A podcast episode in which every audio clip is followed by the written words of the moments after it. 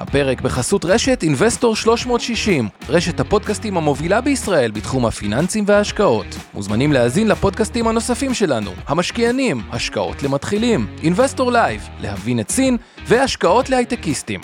הופק ונערך על ידי שמע, פודקאסטים ויצירות סאונד.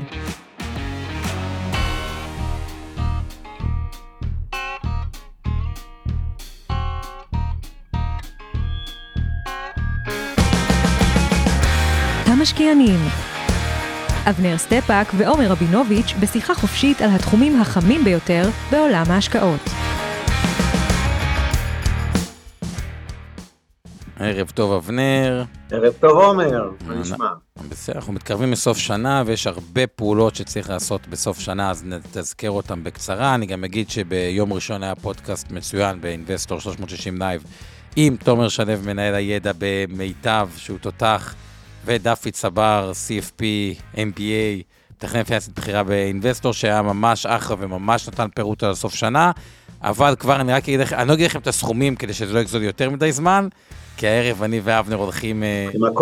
הולכים אה, להתכסח בנושא הנדל"ן, כן או לא דירה, ואני אסביר לכם למה אבנר אה, טועה ומטעה, אבל, אבל לפני שנגיע... אם אפשר אבל בלי חפירות, סתם תסביר את זה בכמה משפטים, למה אני טועה. זה נהיה אישי.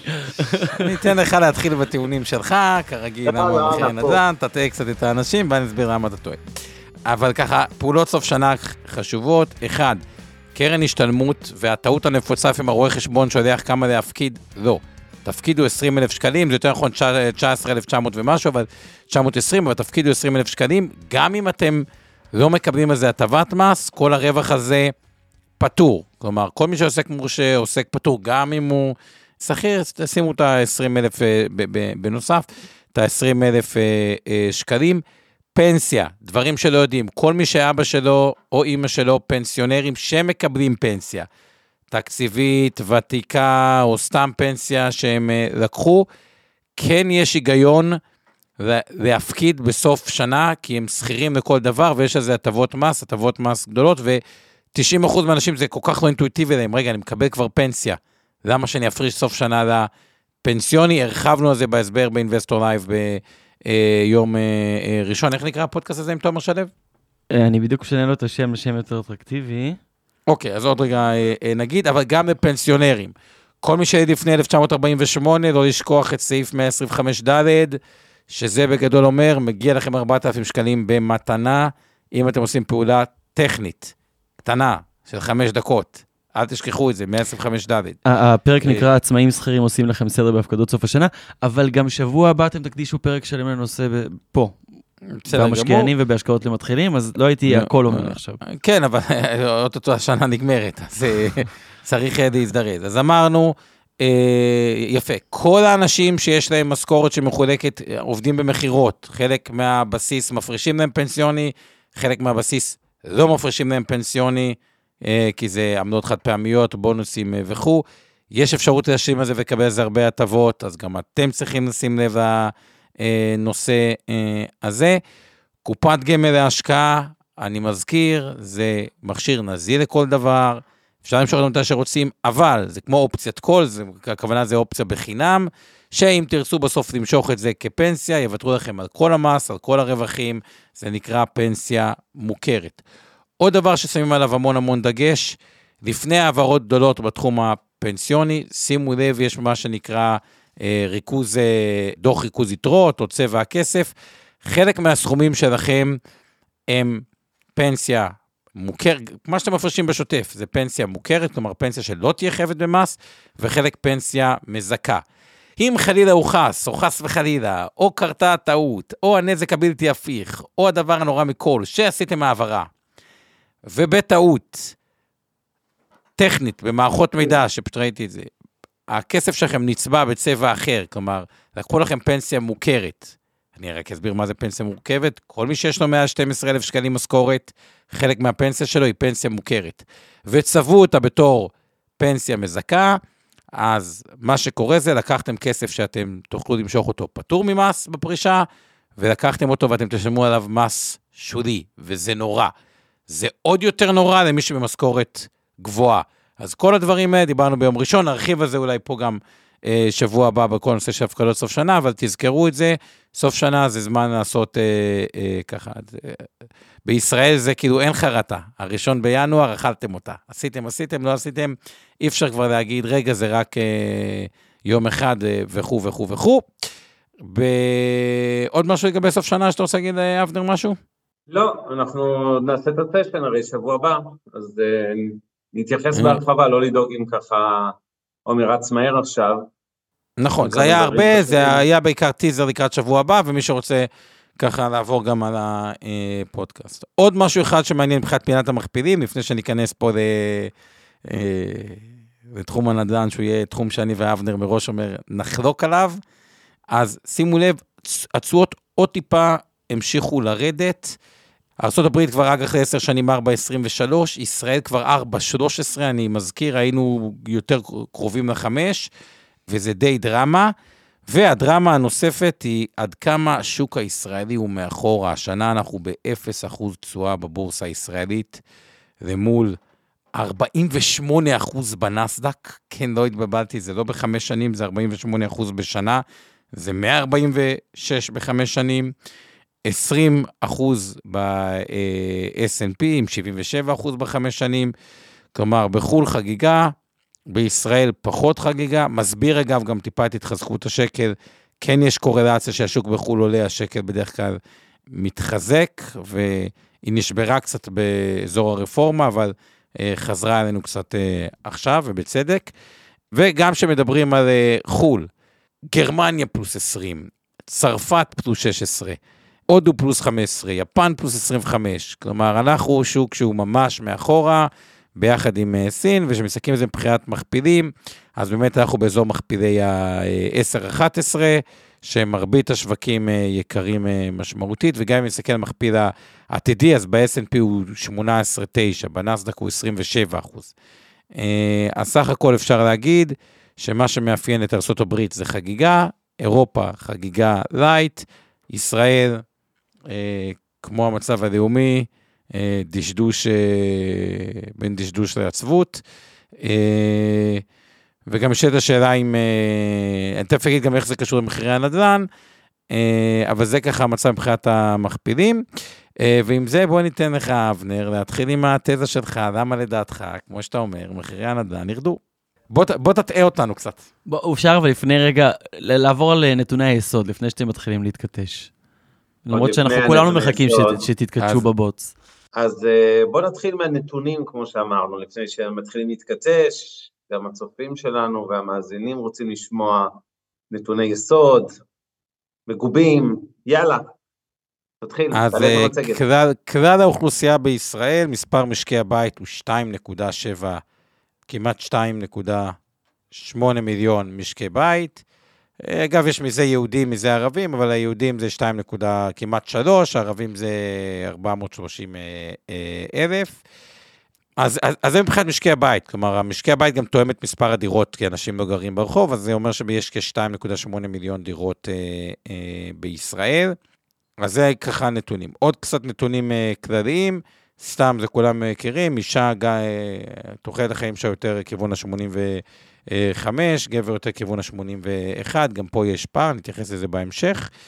שיעורי הילודה בישראל, אה, חריגים, לא עדיין. תמיד היו ועדיין אה, אה, חריגים, בסדר גודל של 3.1, אה, אה, זה בקרב האוכלוסייה היהודית. קצב האוכלוסייה, לפחות בשנים 2015-2019, אנחנו מדברים על uh, הגידול השנתי הממוצע כמעט 2 אחוז, ואני מזכיר 2 אחוז, נשים את זה בהקשר של המספרים. אם יש לנו אה, 9.3 מיליון, ב-2021 היו, 2022 אה, זה כבר 9.5 אה, מיליון אה, אנשים, זה כמעט 200 אלף אה, אנשים בשנה. אה, האוכלוסייה במהלך ה-25 שנים הקרובות, על פי החישוב הזה, צפויה לגדול בכ-60 אה, אחוז, כלומר אנחנו מדברים על 15 מיליון אנשים בישראל 2048. שוב, גם דברים יכולים לאו דווקא לפי הקצב הזה, אבל זה כרגע התחזית המובילה. מבחינת צרכי הדיור, כלומר כמה דירות צריכים בשנה, בגלל שהקצב האוכלוסייה עולה, והכל זה, זה כמו בהשקעות, ריבית דריבית, אז זה 2 אחוז על 10 מיליון, גידול באוכלוסייה, זה יותר נמוך מ-2 מיליון על 12 מיליון, או על 13 מיליון על 15 מיליון. כלומר, גם ככה צרכי הדיור לאט לאט עולים, ומקצב של 50 אלף, 52 אלף, ב-2016-2020, אבל אנחנו, הצרכים הם 60 אלף, מ-2021 עד 2025, ואם נסתכל עוד חמש שנים קדימה, ל-2026 עד 2030, אנחנו מדברים על 66 אלף דירות שצריכים להקים אה, אה, בשנה. אפשר לזרוק הערה כבר, עומר? כן. פה אני חייב רגע לשים איזה ברקס אחד ראשון הערב, וזה על הנחת העבודה שבאמת צריך 60 אלף כאלה, לא במובן, אם אנחנו דבקים במקובלות, שיש לנו X מתגרשים, Y מתחתנים, אה, אנשים עוזבים את הבית בגיל 24.7 בממוצע ומתחילים לשכור דירות ואחרי זה לקנות דירות וכולי, אז יכול להיות שהמספר הוא 60.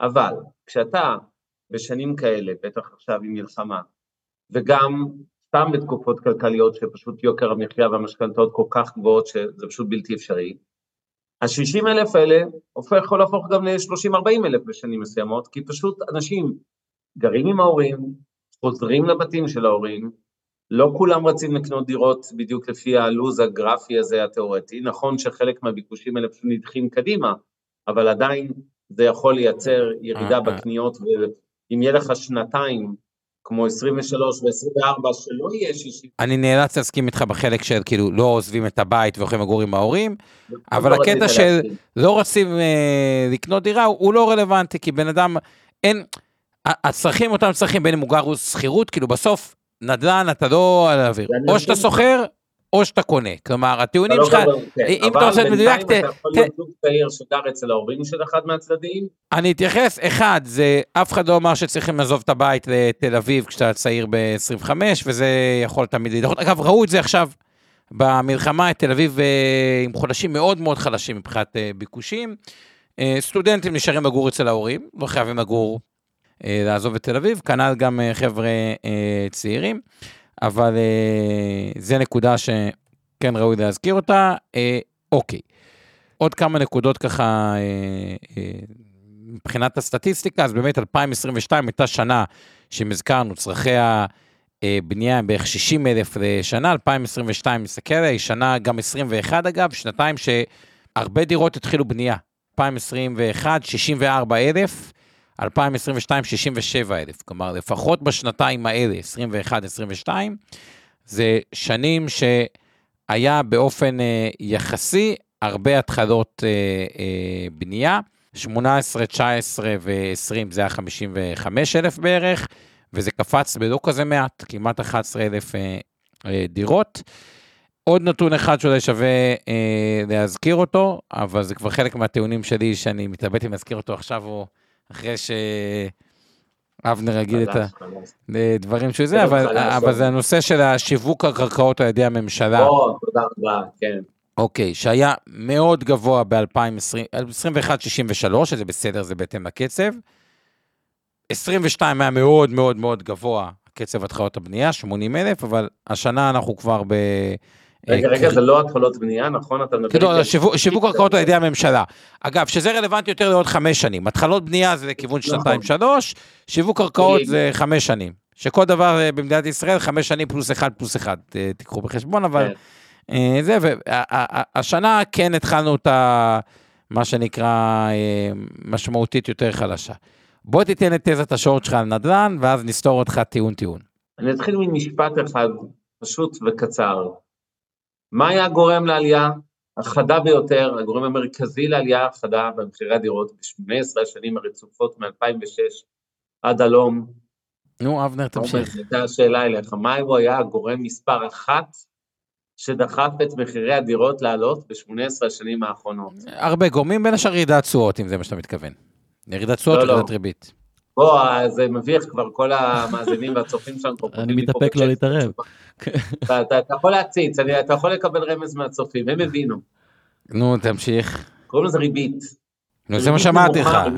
אמרתי לך, ריבית נמוכה, הירידת תשואות, נו, מה? קוראים לזה ריבית, אל תכבס מילים. עכשיו אני אסביר לך מה קורה חמוד. כשיש לך עשור מ-2008, יותר מעשור, 12 שנים, שריבית אפסית, נדירה, לא מייצגת שום תקופה בהיסטוריה הפיננסית העולמית והישראלית, על זה אנחנו גם מסכימים, נכון? לא היה כזה דבר. ריבית של רבע אחוז, חצי אחוז, בישראל, בעולם, ריבית בנק ישראל, אין, אין מספרים כאלה, אוקיי? ובהתאמה, ריביות המשכנתאות, לא רק הפריים, שאנשים שילמו כמעט אפס, כי הם לקחו משכנתאות בפריים בין מינוס 0.6 למינוס 1.1 אחוז, אוקיי? צבי כותב שאנחנו סטנדאפ הכי טוב בגוש דן, ומישהי אחרת, סליחה שאני לא זוכר, כתבה שהיא עם פופקורן מול הטלוויזיה. מזל שאנחנו לא ביחד באולפן. אבנר, אבנר, תמשיך, כשהטיעונים שלך חדשים אתה מתחיל לברוח להערת הסטנדאפ, נו תמשיך. בוא בוא בוא, תקשיב טוב. חמוד. הריבית הזאת שהייתה אפס, וגררה ריבית משכנתאות, לא רק הפריים, שאנשים לקחו כאמור פריים מינוס 0.6 מינוס 1.1 ושילמו אפס כמעט, אוקיי? זה הזיה, שריתי עם הפופקורן.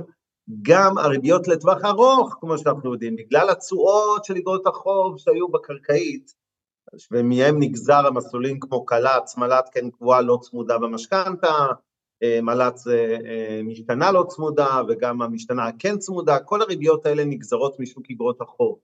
בשוק הזה היו תשואות שפל היסטוריות, ובהתאמה מחירי המשכנתאות היו מאוד מאוד מאוד מאוד זולים. נוסיף על זה שהתשואה משכירות, לא מדבר על עליית ערך עדיין, התשואה משכירות של דירות הייתה מאוד גבוהה, אה, לא מאוד גבוהה, הרבה יותר גבוהה מהיום, אוקיי?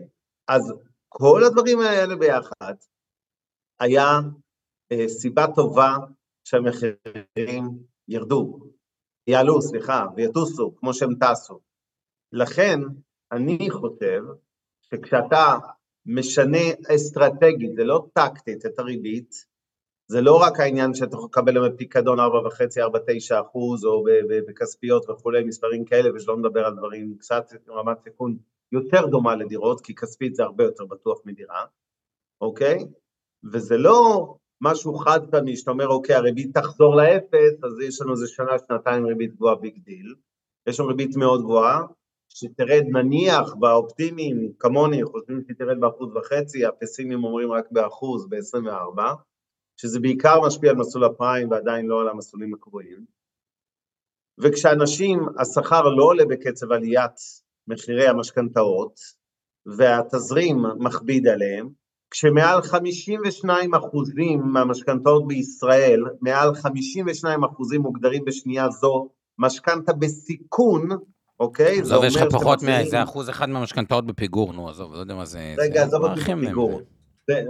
בפיגור שכלי אולי, בין 30 ל-50 אחוזים מהמשכנתאות, סליחה, מעל 50 אחוז מהאוכלוסייה שיש לה משכנתה, הכוונה מחזירה בין 30 אחוז לחצי מהנטו שלה למשכנתה, זה הגדרה של משכנתה בסיכון, אוקיי?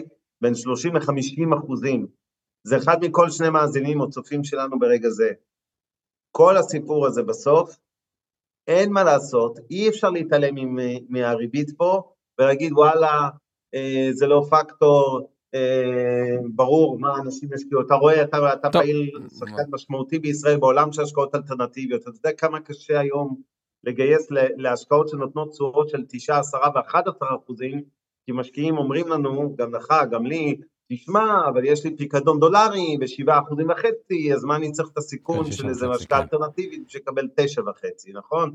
כן. אז תחשוב, בהתאמה הנתן, אוקיי, מי צריך את הכאב ראש הזה? נוסיף לכל אלה, אני יורה לך כבר את כל התזה כדי שלא תתחיל אחר כך. את המספיק, אז בוא תתחיל להגיע לזה ותן לי רגע לסתור אותך. אתה מכיר את המשחק הזה עם התנין שכל פעם... בוא, בוא, נו, אבנר, אבנר, נו, תמשיך, נו, עזוב אותך תנינים.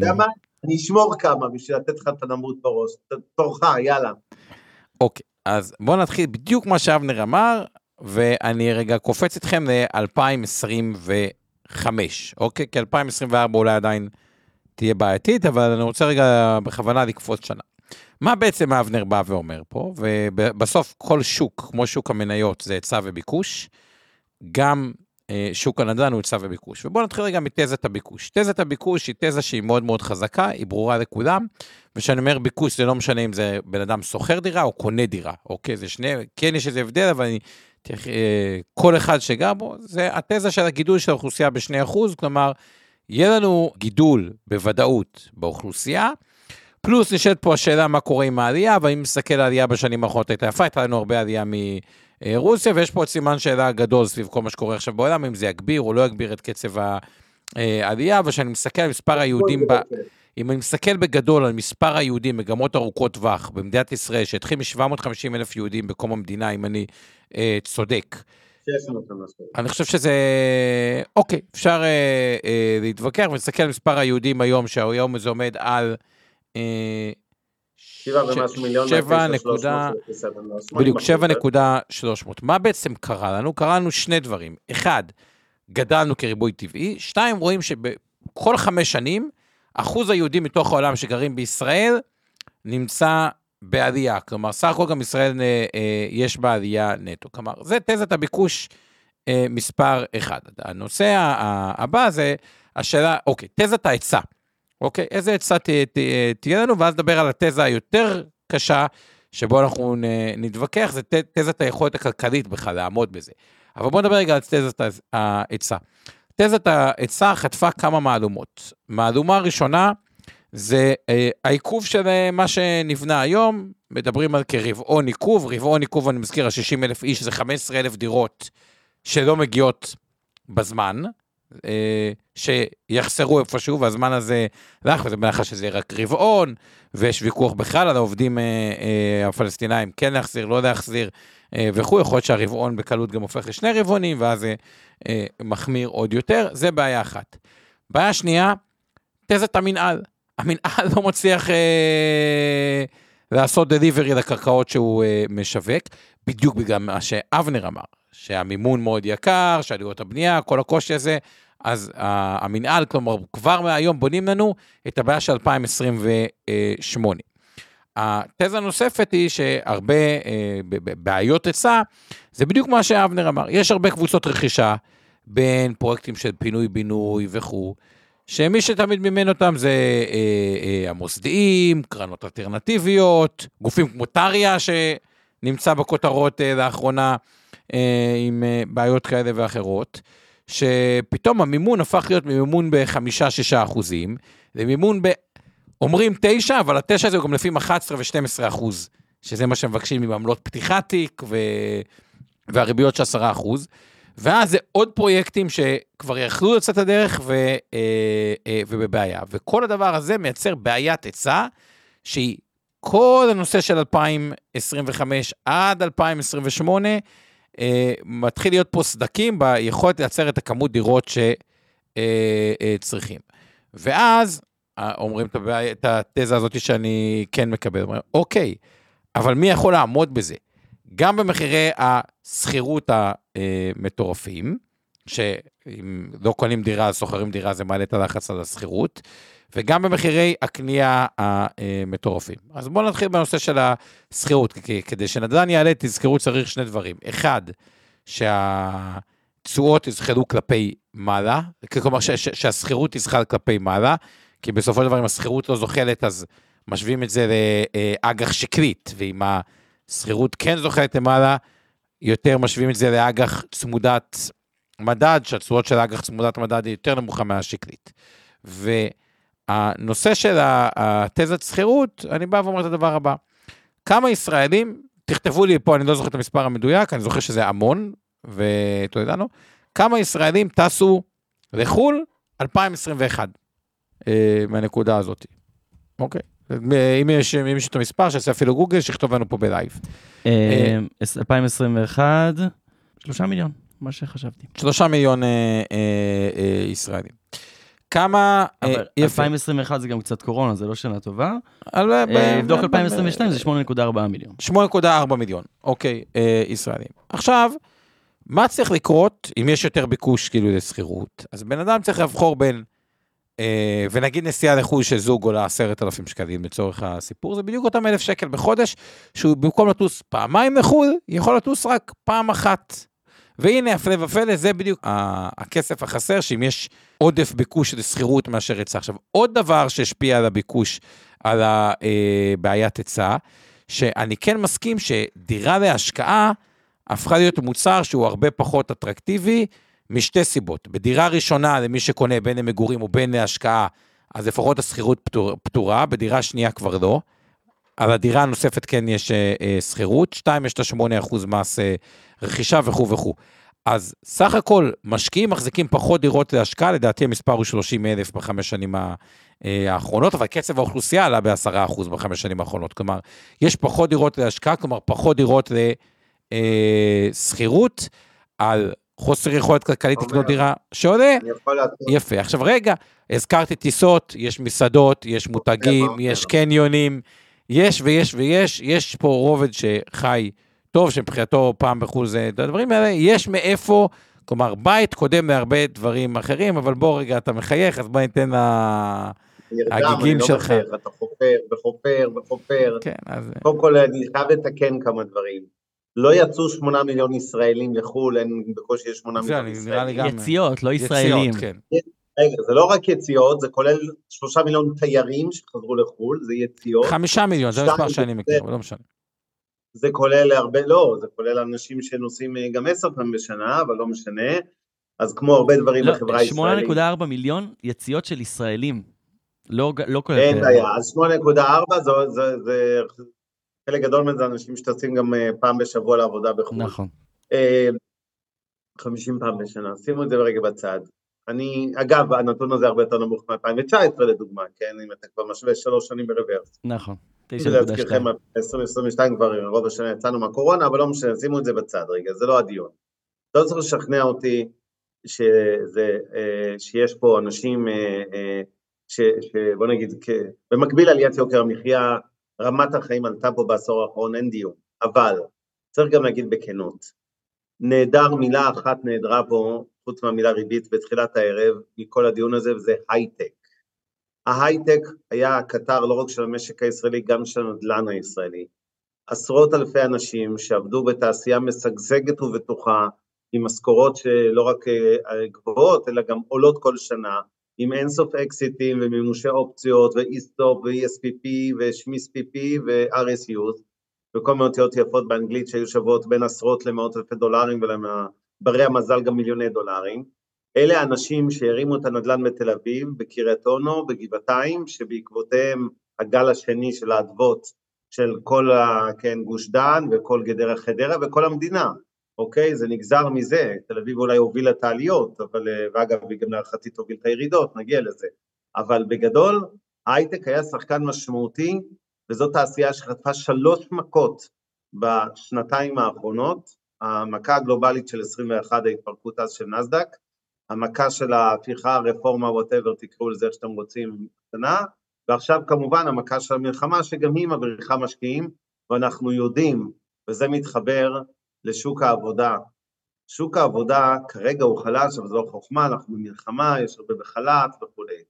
אני לא חושב שאנחנו הולכים חס וחלילה, שלא תבינו מהדיון הזה שאני איזה פסימי גדול, אבל אפילו uh, קצת שינוי לרעה בשוק העבודה, העובדה שלא נחזור לשיעור אבטלה שפל של שלושה אחוזים וחצי כמו שהיינו בחמישה באוקטובר, אלא נניח, uh, לא יודע מה, לארבעה אחוזים וחצי, בסדר? עכשיו זה קרוב לחמישה עשר אחוז, אבל זה זמני, uh, ייגמר, uh, תיגמר מלחמה, אני מסכים גם uh, מי שכתב פה גם על הייטק שיטוס, הרבה דברים יטוסו, הייטק לא יטוס כל כך מהר, אגב יש שם בעיות אסטרטגיות, הרבה מאוד יזמים כבר לא מקימים חברות בישראל, ובצדק, לצערי הרב אני אומר את זה, כמי שמשקיע המון בהייטק, אה, אבל אני יכול להבין למה לא, כי מה לעשות, משקיעים זרים לא כל כך רוצים להשקיע פה כמו בעבר, ומעדיפים שהחברות לא יהיו ישראליות, גם אם היזם והצוות המוביל הם ישראלים, בואו תרשמו בבקשה את החברה בדלוור בארצות הברית, אבל בסוף הקטר הזה שתמך מאוד בעליית מחירי הדירות לא נמצא כאן,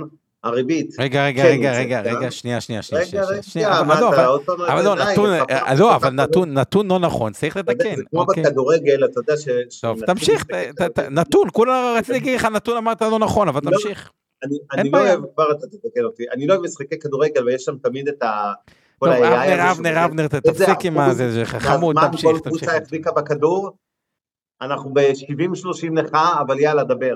איך אני אוהב את זה, זה קטע של אבנר, שהוא כאילו נותן לך עקיצה, ואז יאללה, דבר, כאילו יוצא זה זה. אבל רק כולה רציתי להגיד את הדבר הבא.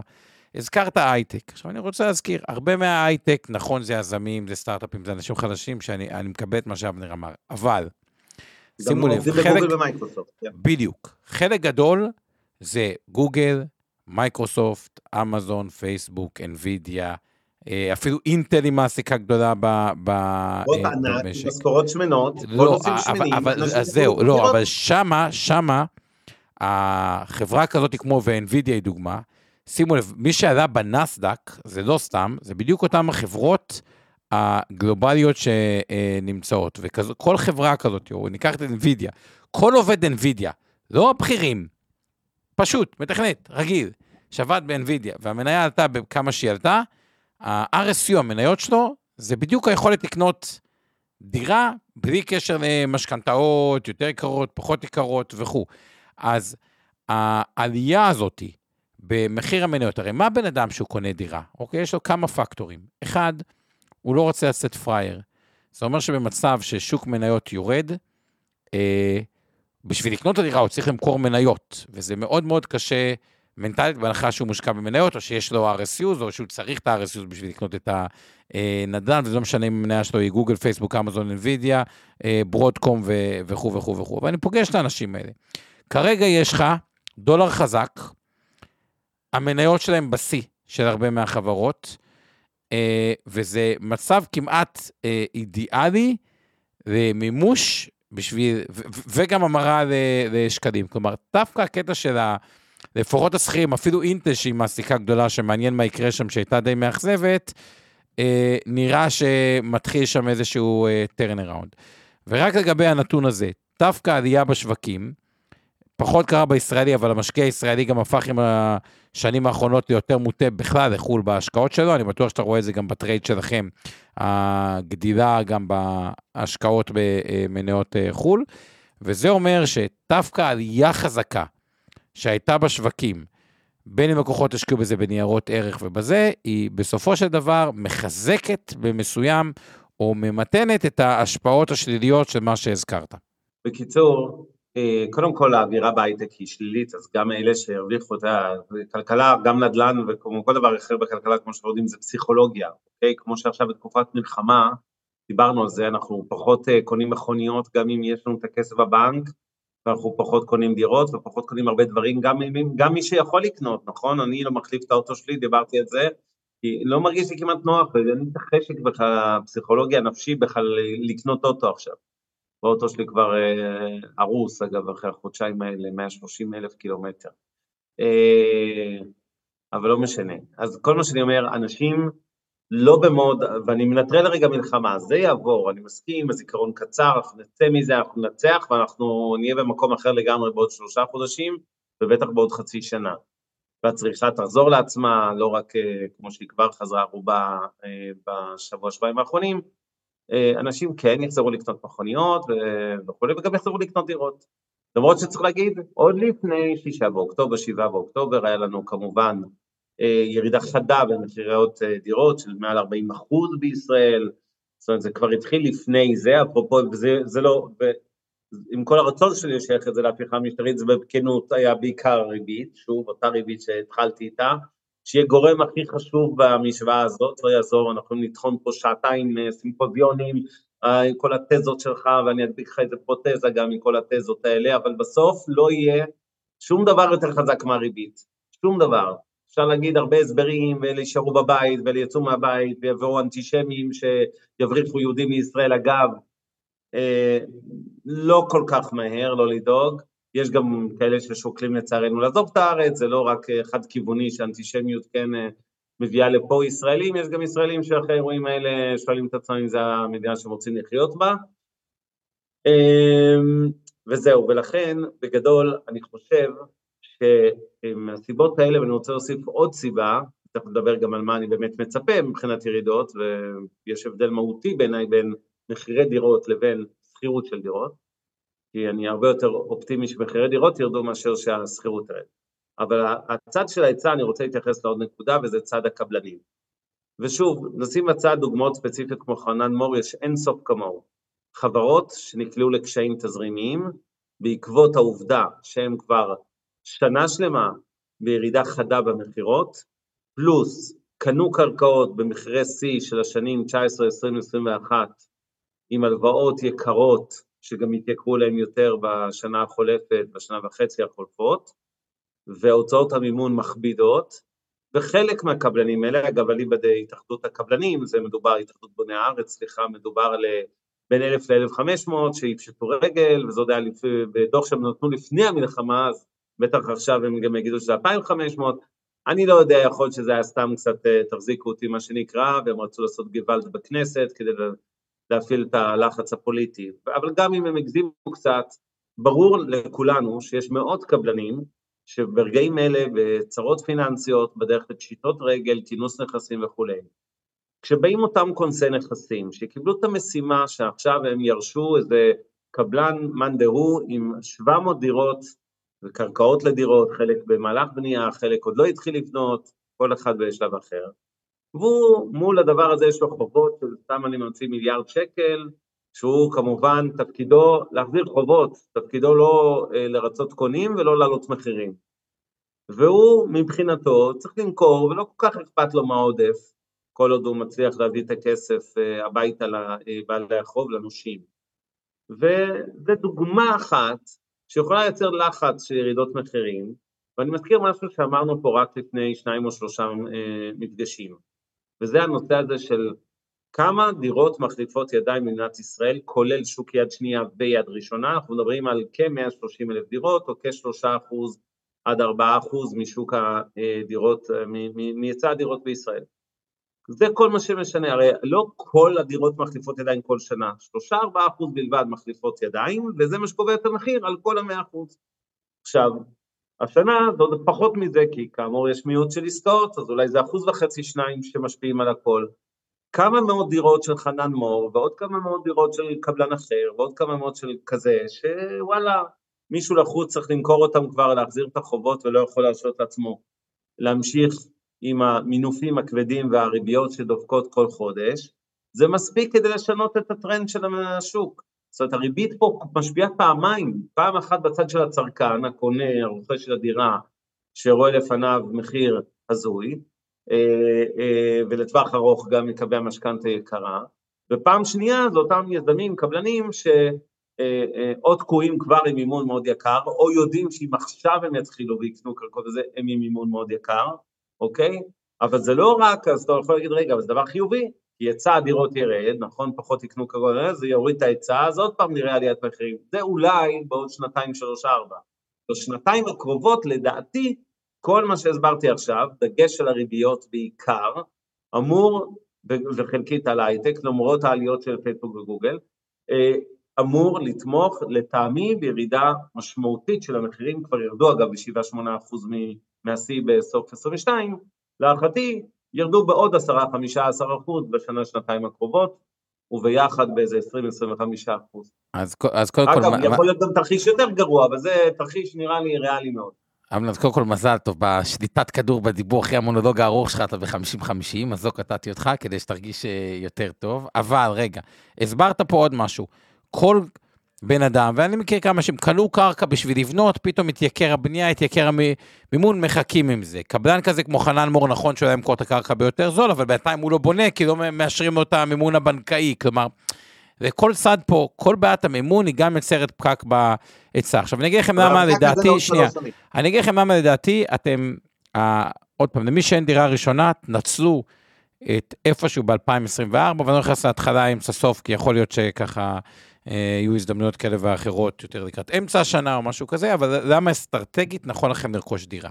אחד, רוב האנשים, אם אני מסתכל על ההשקעות מבחינת ההזדמנויות, אם יכולתם בתיאוריה להגיד את הדבר הבא, אני שם את כל הכסף שיעדתי לדירה, נגיד יעדתם אה, מיליון שקל הון עצמי, או מיליון שמונה מאות, או שתי מיליון, או מיליון וחצי, לא משנה מה, הון עצמי לדירה.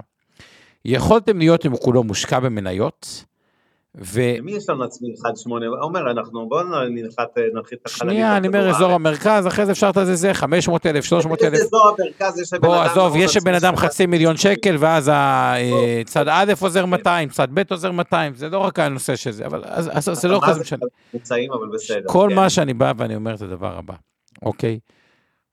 אם יכולתם להחזיק את ההון שלכם, שאתם מחכים איתו לדירה במניות, אני חושב שזו הייתה החלטה נכונה, כי על פניו אני חושב שמניות פיננסים זה דוגמה טובה, בנקים אה, שמייצרים 10, 12, 13 אחוז על ההון העצמי וזכרים 0.8 על ההון העצמי, על פניו זה נראה הזדמנות השקעה יותר טובה אה, מנדל"ן. אבל למה אני אומר אם? כי במבחן הפרקטיקה זה לא קורה. כל החבר'ה שמחפשים את ההזדמנות בנדל"ן, הם לא מחפשים אותה כשהם מושקעים במניות, אולי ב-RSU שלהם בחברות, הם מושקעים את זה כשה, כשהכסף אה, יושב בינתיים ב, אה, אה, בפיקדון, שיותר אותו חמישה אחוז.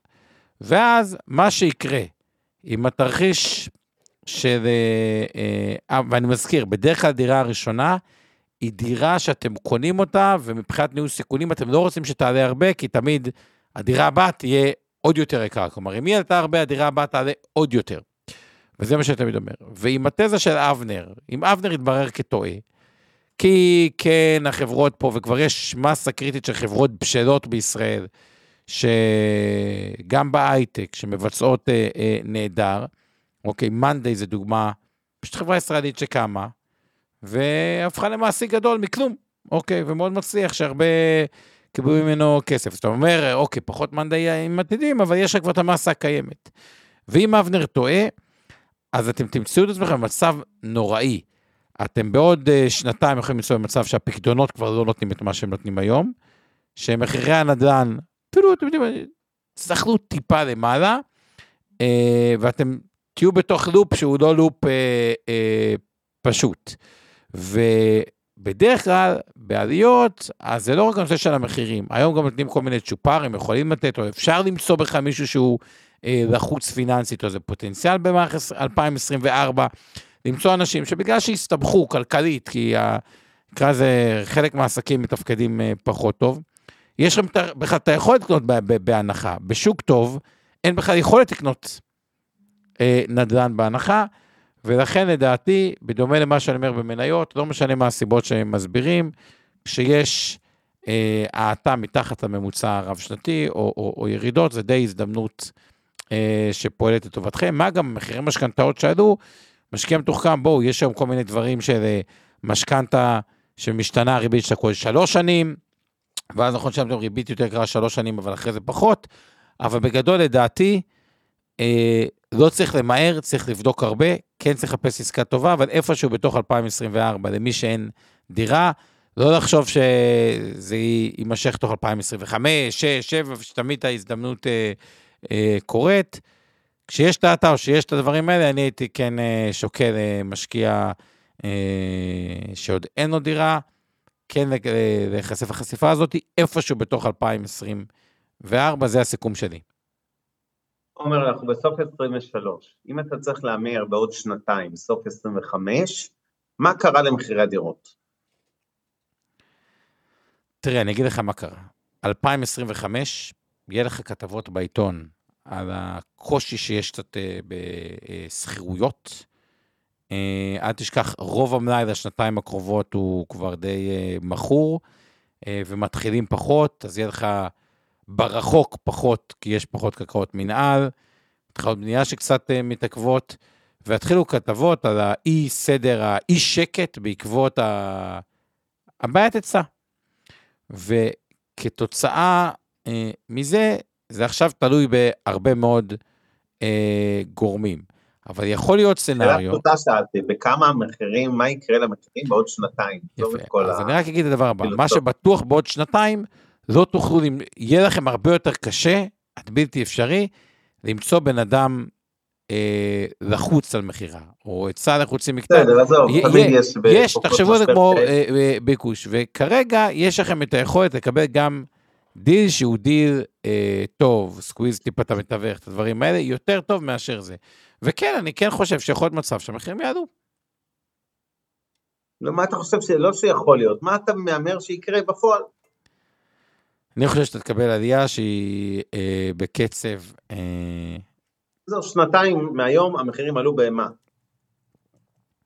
שנתיים מהיום, 2024 יותר פלט, 2025 אתה יכול לקבל שם עלייה של אה, חד ספרתית, גם באזור הגבוה של החד ספרתי. של השישה. בין החמישה לעשרה אחוז בעוד שנתיים, המחירים יותר יקרים מעכשיו, נכון? אני חושב שזה תרחיש שהוא ריאלי, כן, 15 אחוזים, נכון. סבבה. אז אני חושב כאמור שהמחירים יהיו נמוכים ב-10 עד 15 אחוז, לעומת סוף 23.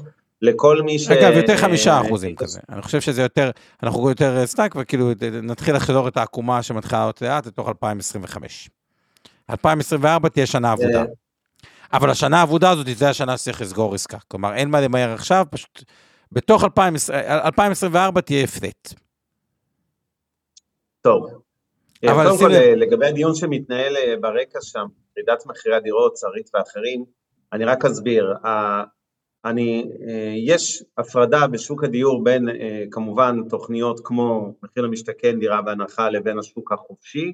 בשוק החופשי הייתה ירידה של בערך 7% מנובמבר 22, כשמנרמלים את זה, אני רק אסביר מאיפה הנתון, בדרך כלל מה שמקובל, הרי מה אחד הטריקים והשטיקים שאתם רואים, מי שכן ניסה לקנות דירה בחודשים האחרונים, גם לפני המלחמה יודע שקבלנים מציעים לכם כלל הטבות מלשלם לכם משכנתה ועד uh, לאיזה שנתיים חינם על חשבונם, ועד uh, באמת אין סוף דברים, מוכרים לכם uh, דירה בקומה 30 במחיר של דירה בקומה שנייה וכולי. אם אנחנו משקללים את זה אפקטיבית, הירידה הייתה בערך 7% בשוק החופשי, זה אחד. שתיים, אמ, יהיה, אה, אה, עכשיו, שוב, אנחנו כבר מסכמים, אז אני אגיד, אני רק רוצה להתייחס למשהו שאמרת, ואז כמה משפטי סיכום. דיברת על זה שכשבניהול סיכונים, כשאנחנו קונים דירה ראשונה, אנחנו לא רוצים שמחירי הדירות יעלו. אנשים לא פועלים אבל מניהול סיכונים. אם הם היו מנהלים סיכונים, הם באמת לא היו קונים דירות פה. זה לא הגיוני מבחינת סיכון לקנות דירה, בניין קורס בין 70 שנה בלי ממ"ד באבן גבירול, לקבל תשואה של בקושי 2% לשנה, לא רק שעכשיו שיש לך ריביות גבוהות, אלא כי בכל השקעה נורמלית אחרת, כנראה שהיית עושה תשואה יותר גבוהה. כן, אבל זה לא, כאילו, זה לא, אוקיי, אוקיי, תמשיך. רגע, רגע, רגע. אז אנשים לא עושים את החשבונות האלה שאתה מתאר שהם סיכונים. להפך, חלק מהסיבה לגלגל הזה, לאינרציה החיובית שהייתה 18 שנה, שנים ב-18 שנים בשוק הדיור, הייתה בדיוק ההפוך, תחושת העושר. קניתי דירה במיליון מאה, היא שווה עכשיו מיליון שמונה מאות, אולי שתיים וחצי, לא יודע מה, יהיה לו לפני, לא שני. זה רק מדרבן אותך, אתה מרגיש עשיר, זה חלק מההסבר גם לצריכה הפרטית החזקה שראינו פה הרבה שנים, כי זה תחושת עושר, עכשיו היא פייק, כי כשאתה תרצה לשדרג, מה שנקרא משפרי דיור, לדירה מארבעה חדרים לחמישה חדרים, כי נולד עוד אה, ילד או ילדה, אז אתה, מן הסתם הפער הזה שפעם היה 300-400 אלף שקל על החדר החמישי, יהיה פתאום 700-800, זה רק מרחיק אותך, אבל, אבל, אבל זה לא משנה, זה הפסיכולוגיה, אנשים הרגישו טוב, הרגישו שהם עשו אחלה עסקה, כל עם ישראל, לא משנה איפה קניתם דירה, הרי הרווחתם בהגדרה בהיקפים אה, עצומים, אז זה אה, אה, כרגע נמצא בהתפכחות והתהפכות. כמובן המלחמה היא driver, אבל בוא נגיד בכנות, גם לפני זה, לא סתם... כן, אבל, אבל בסוף גם אג"ח צמודה למדד, היא נותנת 1.62. אז אם יש לך... כלומר, בהנחה שבן אדם יכל לקחת, זה כל מה ש... אג"ח ממשלת ישראל, אתה משווה לי לדירה מתפוררת של אבן גבירול, נו באמת. לא, בזה, כל מה שאני אומר זה הדבר הבא, בהנחה שאתה חושב שהנדל"ן יעלה כאילו בקצב האינפלציה, לבן אדם שהנדל"ן הוא כמו אינפלציה, אוקיי? אז, אה, אז אותו דבר, או שהשכירות צמודה לאינפלציה, אז אתה מקבל פה יחסית לאג"ח מידע, כי אני אגיד לך מה קורה בפועל. זה לא שמישהו אומר, או שאני קונה דירה או שקונה מניית בנק הפועלים. זה לא שאני קונה דירה או שנשאר בפיקדון, זה אג"ח מדינה וכו', זה הבעיה. אז קודם כל, כמה הערות זריזות. אחד, ואז נעבור יש משהו דווקא חברתי שהוא מאוד חשוב, אז אני רוצה שנעלה ואז אפילו את זה. אנחנו מזכירים כל הזמן את המניות מדי פעם וזה, ואלטרנטיבות, אז כמובן כל מה שאנחנו עושים הערב אינו ייעוץ השקעות, לא תחליף ייעוץ השקעות, המותן לצרכם נכסי כל אדם מידי ייעוץ השקעות מוצמח, והמניות שהזכרנו פה בהייטק, NVIDIA ואחרות, זו נקודת הנחה שאנחנו מחזיקים אותן בתיקי השקעות קרנות הנאמנות תקופות הגמל לפנסיה השתלמות של מיטב ושל אינבסטור 360, ולכן יש לנו אינטרס שאנחנו מזכירים אותם, וזה בכלל לא המלצה לביצוע פעולת השקעה כלשהו, להימנעות מהשקעה, גם לא בדירות. עכשיו אני, אה, כמה מילות סיום. אה, אחד, תחושת העושר נפגעה, עוד לפני המלחמה ועכשיו עוד יותר, אה, זה פסיכולוגיה גם. נכון. שתיים, מכל הנתונים הכלכליים, הנתון הכי חשוב תזכרו הערב הוא הריבית. זה מה שדחף את השוק הנדל"ן החזק למעלה, זה גם מה שיעזור לו לרדת למטה, גם בגלל הצרכן, גם בגלל הקבלן, אוקיי? כי הקבלן בסוף מתמודד עם עלויות גבוהות, וחלקם קורסים, ובסוף מגיעים קונסים, מוכרים את הדירות האלה, לא ממש אכפת להם כל עוד הם מחזירים את החובות אה, למקסם את הרווח, הם רוצים למכור מהר ולגמור עם זה ולהמשיך את הפרויקט הבא, ולכן לדעתי אנחנו הולכים לשנתיים קשות. אנחנו, אני אזכיר רק עוד משפט לסיום שתבינו דבר חשוב. הדיון הזה לא יכול להיות מנותק מההקשר של מאיפה התחלנו את כל הדיון, באיזה נקודה אנחנו נמצאים בכמעט מחירי שיא כל הזמנים, מינוס כמה אחוזים, אבל אנחנו בבועה, בועה, אין מילה אחרת לתאר. יוקר המחיה הישראלי פשוט לא מאפשר לאנשים, ככל שהם רוצים לקנות את הדירה שלהם, הרבה מהם פשוט לא יכולים לקנות, וכשאנחנו עם משכנתאות בסיכון של מעל 50% מהאוכלוסייה הישראלית, ואנחנו בבועה שכמעט בכל קנה מידה ישראל היא אחת המדינות היקרות בעולם הנדל"ן, מתוך 200 מדינות בעולם, מתישהו בועות מתפוצצות, ומחירי דירות ידעו לרדת בסן פרנסיסקו, פריז, לונדון וניו יורק בעשרות אחוזים כל אחת בתקופה אחרת שהיו משברים באותה עיר. תאמינו לי, גם בעיר הקודש תל אביב זה יכול לקרות, ובכל מקום אחר במדינת ישראל. סיימתי את זה. אנחנו צריכים לזה, אז בוא, בוא, בוא נסכים על זה שאין מה, בתור משקיעים, אין מה להשקיע בנדל"ן כדירה להשקעה. אה, כדירה נוספת, פלוס ה-8% מס רכישה, אז זה אני ואבנר מסכימים. ודירה ראשונה למי שקל לעזור לילד ומניע את הילד ב... מהפעולה הזאת, אני חושב שלתוך 2024 לחפש דיל טוב, אבנר חושב אחרת. אה, משהו חברתי אה, מקסים, מאוד חשוב. אגב, בכלל אני רוצה לציין פה, אנחנו נעלה את צחי, צחי פה איתנו כבר, בוא נשים אותו. כן, צחי כפרי. אז צחי כפרי, בכלל, אני יכול להגיד גם אחותו אה, עושה אה, הרבה, הבת, ש... הבת של אחותו, שהיא אה, פעילה מאוד חזקה באוניברסיטת אה, קולומביה, אה, וזה גם סיפור מאוד מעניין, מה בדיוק באמת קורה שם מאחורי הקלעים. אבל היום אנחנו נתעסק עם הפעילות של אה, אה, צחי, שהיא פעילות חשובה, מקסימה. אז צחי אליך, בוא תספר קצת, ואז נגיד לכם איך אתם יכולים להירתם למאמץ הזה. טוב, חברים. אנחנו בעצם, הפעילות שלנו, אנחנו בשמיני לאוקטובר, אה, אחרי שאני, בשביעי לאוקטובר אני הייתי ביוון, החברה שלי היא חברה יוונית, אני עוסק בתיירות הפנאי, טיולים של אופנועים ורייזרים ורכבים מיוחדים. אה, הייתי עם מספר קבוצות ביוון, ובשביעי לאוקטובר מה שזכור לי זה הטנדר הזה של החמאסניקים אה, באחד היישובים, והבנתי שיש התרחשות, אה, וקיפלתי בעצם את כל הקבוצות שהיו לי ביוון במהירות, בן רגע וחזרתי לארץ. בלילה בשביעי כבר הייתי בארץ, בהבנה וידיעה שאני מתגייס לצבא. אני את שנותיי במילואים עשיתי ביחידת 217 בדובדבן, משוחרר כבר כמה שנים, הפלא ופלא לא גייסו אותי, אה, אז אמרתי, אבל אני לא יכול לשבת בבית, אני באתי ומשהו בוער בי, ומה שעשינו, עשינו את הדבר הפשוט והמתבקש, זה כבר בשמיני לחודש, אה, הגענו ונתנו אוכל לחיילים, היה גיוס המוני של 150 אחוז, הצבא לא ידע להתמודד עם זה, וכבר ביום הראשון, ביום ראשון שזה השמיני לאוקטובר, היינו בבסיס צאלים עם משאית, וסיפקנו אוכל למשהו כמו אלף חיילים. זה היה נראה לנו המון ומטורף, וזה היה זבוב על הקיר פחות או יותר.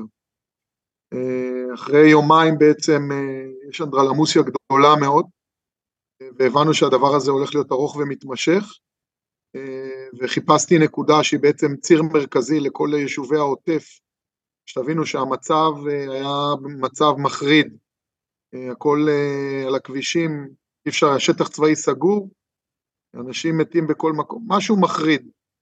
אה, לקחתי את אה, צומת טורים, שזה היה בעצם הצומת הראשית שאי אפשר היה להגיע לשם, אבל אני בעצם יצרתי איזשהו דרך כזו שהצלחנו להגיע לשם, וביום השלישי ללחימה, פשוט בעזרת חברים, אה, כל יום פתחנו נקודה שהייתה קבועה, והגשנו שם, הגענו למצב שהגענו 30 אלף מנות אוכל, המבורגרים ונקניקיות ביום. הבנו שהדבר הזה הולך להיות ארוך, אחרי חמישה ימים הקמנו עמותה שנקראת חרבות הברזל, אה, צוות לעניין, כשמה קני, אנחנו בעצם אה, חמישה חברים, שאת כולם אני חיברתי אותם מהזיקה והעבר לשטח והאדרנלין, ופשוט אה, יצרנו מרקם מדהים של ארץ ישראל, כל מה שעשינו זו, ועושים זו, זה נתינה. הצלחנו להביא מספר מטוסים עם, ציוד, עם ציוד ללוחמים. ליישובי העוטף נתנו מענה מיידי, זאת אומרת פעלנו במקביל למדינה, לא שאלנו כלום, פעלנו ופועלים, ויש לנו היום מערכת של אלפיים מתנדבים, בכל יום אנחנו בעצם, יש לנו שישה צוותים מעבר לנקודה שהיום היא נקודה קבועה בצומת גילת, ששווה לבוא ולהגיע ולראות ולתרום ולהיות חלק מזה. הנקודה הזו בעצם מספקת אוכל היום משהו כמו 12 אלף חיילים ביום ומספקת המבורגרים לתוך עזה. אנחנו עובדים במערכת מדהימה לתוך הרס"פים, הרס"רים והמפקדים שיש להם את הטלפונים של אצלנו של החבר'ה ופשוט מאוד לתוך השיירות מספקים להם ממש את מה ש...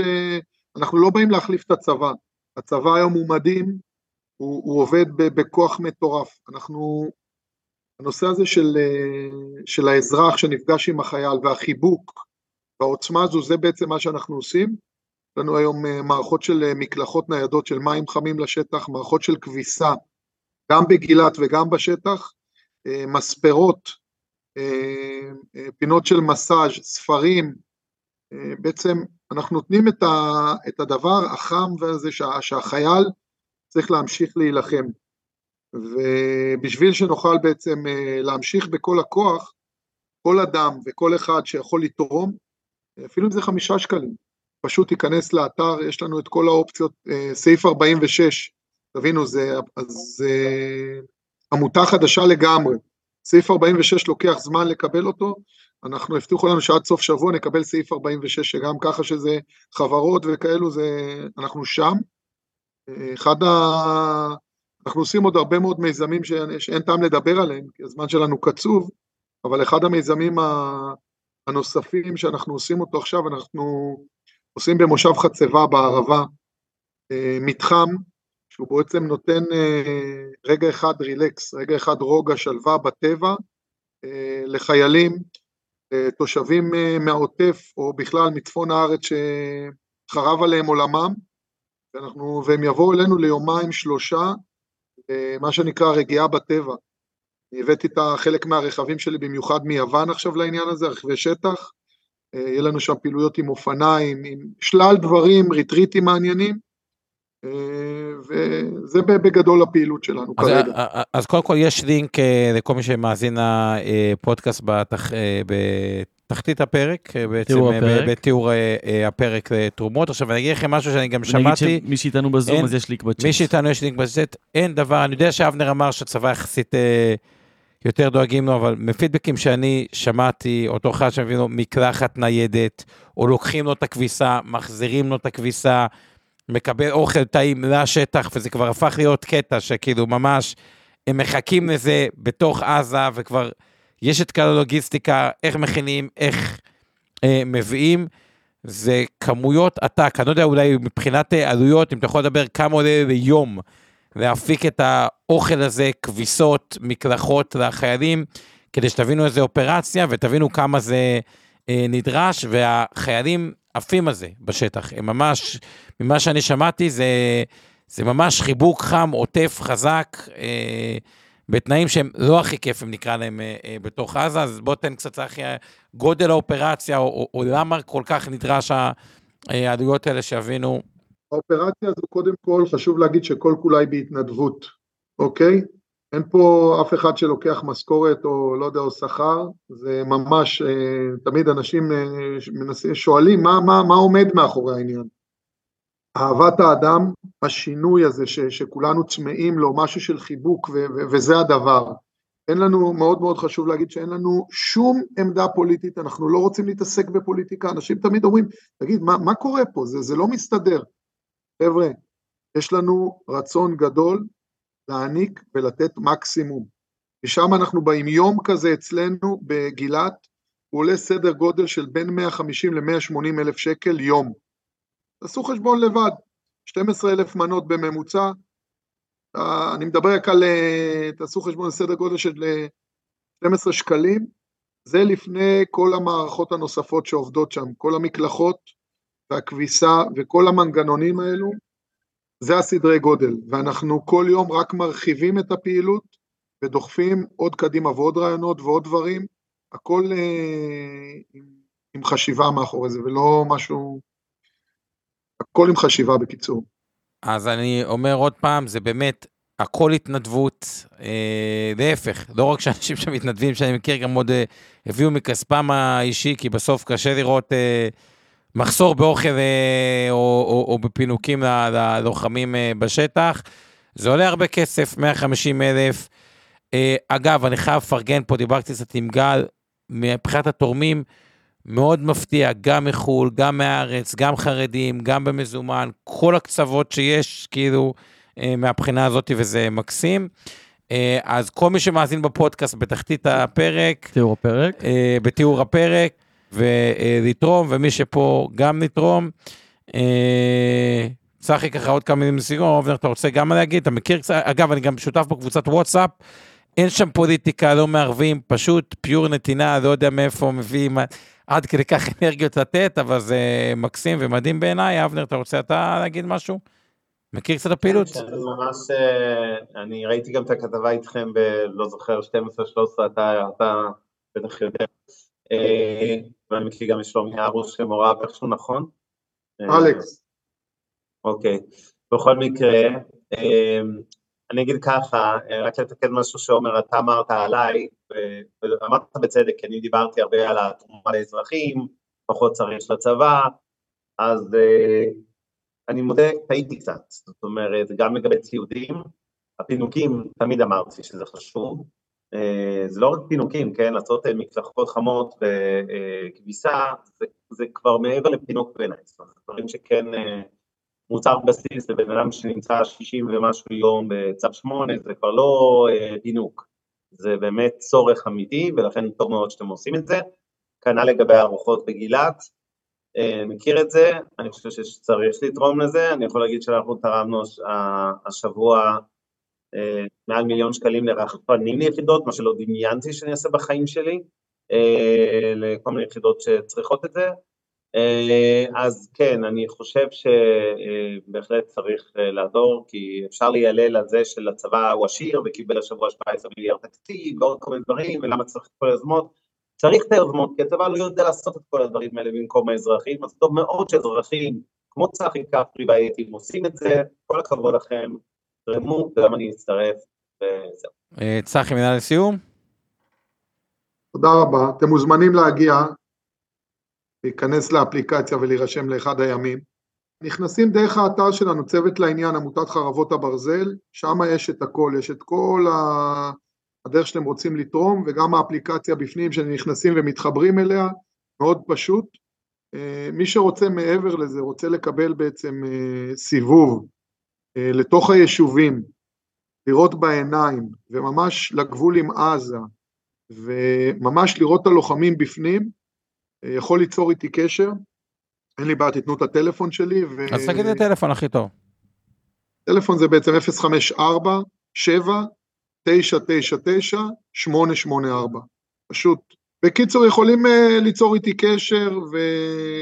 ולבוא, אני אעשה לכם סיבוב. Uh, אני בעצם מהיום השלישי uh, נרתמתי ואני נמצא בכמה יישובים באופן קבוע, תרמנו להם גם כמה דברים uh, מאוד משמעותיים, uh, ואני בקשר רציף עם האנשים שנשארו שם ופועלים, פועלים מהרגע הראשון ולא עוצרים. וזה חשוב מאוד בעצם להחזיר את היישובים שם לשגרת החיים, כמה זה קשה מאוד, אבל זה משהו שביום שאחרי זה מי שנשאר שם בעצם. ואנחנו מסתכלים בצורה רחבה על הכל, לא רק על הלוחמים.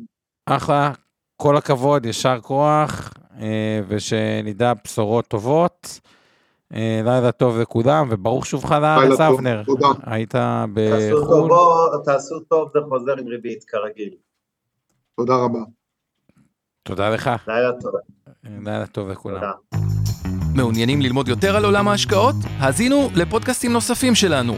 המשקיענים, אבנר סטפק ועומר רבינוביץ' בתוכנית אקטואלית עם כל מה שחם בעולם ההשקעות.